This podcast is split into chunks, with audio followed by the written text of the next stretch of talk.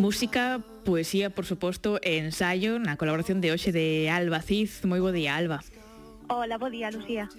Eh, falamos de diso de música, de poesía e de ensaio porque a editorial Galaxia eh, decidiu rescatar e volver a editar un ensaio da, da poeta Luisa Villalta, non? Por que, por que xusto este volume eh, e como chega nos, Alba? Pois eh, tal vez habería que comezar recordando algo desa figura de Luisa, unha figura ben mm. interesante dentro da poesía das últimas décadas, Eh, dase a coñecer nos anos 90, é certo que foi tamén docente de ensino medio, filóloga, pero por outra banda foi componente da Orquestra de Santiago de Compostela, máis tarde da Xove Orquestra de Galicia, porque era titulada superior en violín. Uh -huh. eh, esta dobre vertente, este non abandonar nunca o mundo da poesía, pero tamén o mundo da música, eh, realmente é o que dá pé non? a este ensaio que temos.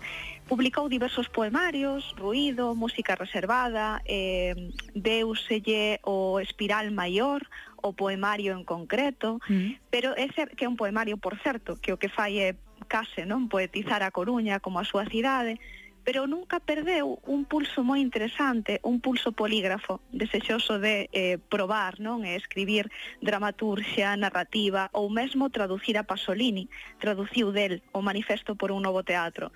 Eh, con isto quero dicirvos que é unha das autoras máis polifacéticas do seu tempo, é unha poeta moi interesante, eh, prematuramente morta.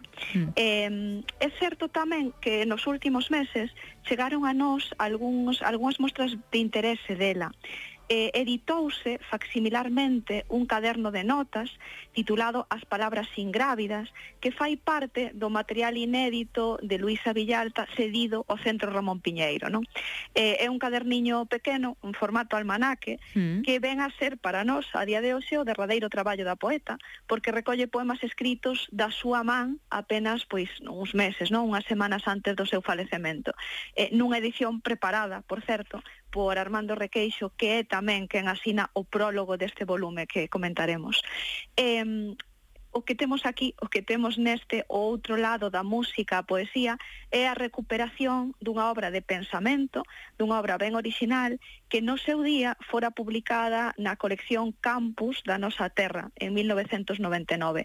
É que o que procura é trazar a relación entre ambas as artes, non, entre o a arte, non, poética e arte musical na historia da literatura galega, sobre todo. Uh -huh. E como podemos eh, transitar este libro? Cal é cal dirías que é a súa arquitectura? Uh -huh. Pois leo vos antes de nada. Uh -huh. Calquera que fose o principio de todo, o único seguro é que produciu un ruído, porque un ruído é o efecto da vibración da materia que se propaga no espazo durante un tempo determinado.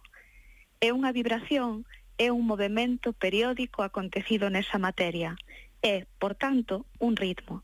Só falta unha intención expresiva, humana, só falta aplicarlle un significado, alegría, dor ou tristeza, para poder definilo como música ou tamén como palabra. Eh, este fragmentiño, non, uh -huh. así de coidado e así de literario, é o inicio da primeira epígrafe deste volume, que é titulada Este lado a música, non? Eh, para botar un pouquiño de luz, mm, a disposición do libro é moi clara, é progresiva, e de alguna maneira iso abeiro a divulgación, aínda que é un libro superinformado, eh, é un libro cheo de datos, eh, é un libro tamén moi transitable, moi aberto, non? de algunha maneira poderíamos incluso consideralo un percorrido por a historia da literatura galega a través da música popular, non? Ou a través da relación entre uh -huh. a música popular e as músicas que entran na literatura. Eh, facendo un repaso breve, aquí partimos da música, seguimos pola poesía, non? Eh, reflexiona bastante sobre a mutua dependencia entre música e poesía, que era evidente para os gregos, que se conserva na cultura romana e na medieval, pero que a partir do século XV non só eh, se observa non unha separación de ambas as artes, senón mesmo un proceso claro de emancipación unha da outra. Eh, nalgún, noutra epígrafe vai recalar no que ela chama instrumentos da tradición, sobre todo na gaita, na gaita como símbolo, eh, achégase finalmente ao que ela chama as formas novas da música e faino facendo calas moi concretas en textos do século XX que, segundo ela, mm, demostran non esta ligazón entre música e palabra. Eh, en fin, é un libro dunha, dun avance, dunha arquitectura clarísima mm. e moi doado de ler, moi aberto a públicos distintos. Moi ben, pois axúdanos agora así a, a revisar algún dos conceptos ou dos exemplos que exploran este libro Luisa Villalta, Alba. Hmm. Pois, a ver, hai dous ou tres fíos que se entretecen constantemente.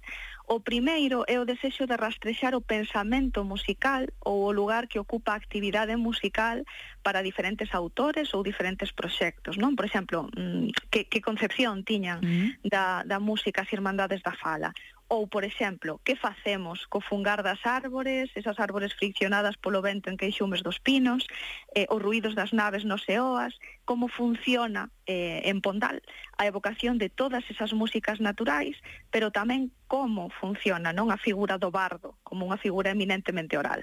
Todo iso eh, anda por aí, ese rastrexo do pensamento musical. Eh, eh, por outra banda, non como eh, tamén está por aí o desexo de investigar dentro da obra literaria que se fai, que, que músicas entran.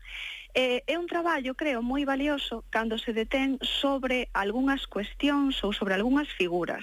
Por exemplo, cando observa como se forxe o símbolo do gaiteiro, algo que ela fai desde os vilancicos a Torre Xurdimento, aí detense na gaita gallega de Xoan Manuel Pintos e detense nas sucesivas aparicións non da gaita en Rosalía de Castro, eh, ese tipo, ¿no? Ese, esas, esas maneiras de, de repousar en determinadas mm. en determinados en determinadas figuras ou en determinadas es, en determinados símbolos realmente da cultura galega son super interesantes.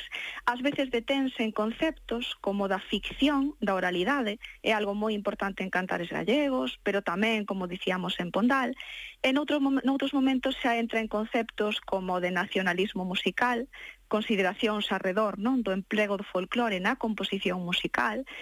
Eh, ben, en na última sección longa do libro, mm. eh, para darvos tamén así un exemplo claro, o procurar tres autores que exemplifican de tres modos que a poesía inda e música, vai escoller o poema en catro tempos de Branco Amor, vai escoller deterse eh, tamén puntualmente en Cunqueiro e deterse neses seis poemas galegos de Federico García Lorca.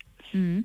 E así, mm, Alba, xa brevemente, porque non nos queda moito tempo, pero en que medida crees que este volume pois, pues, é, é singular, non? Neses marcos da poesía galega contemporánea?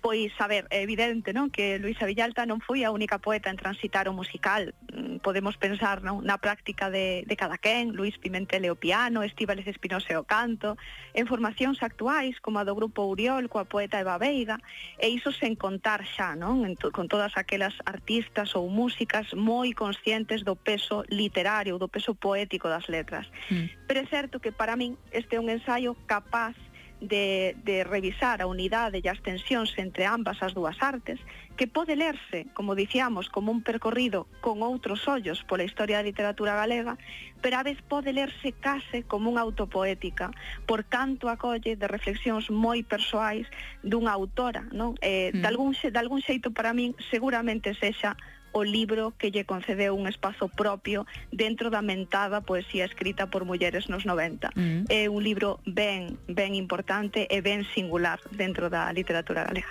Pois este é outro lado da música, a poesía de Luisa Villalta, que agora recupera eh, a editorial Galaxia. Moitas grazas, Alba. A vos, escoitámonos.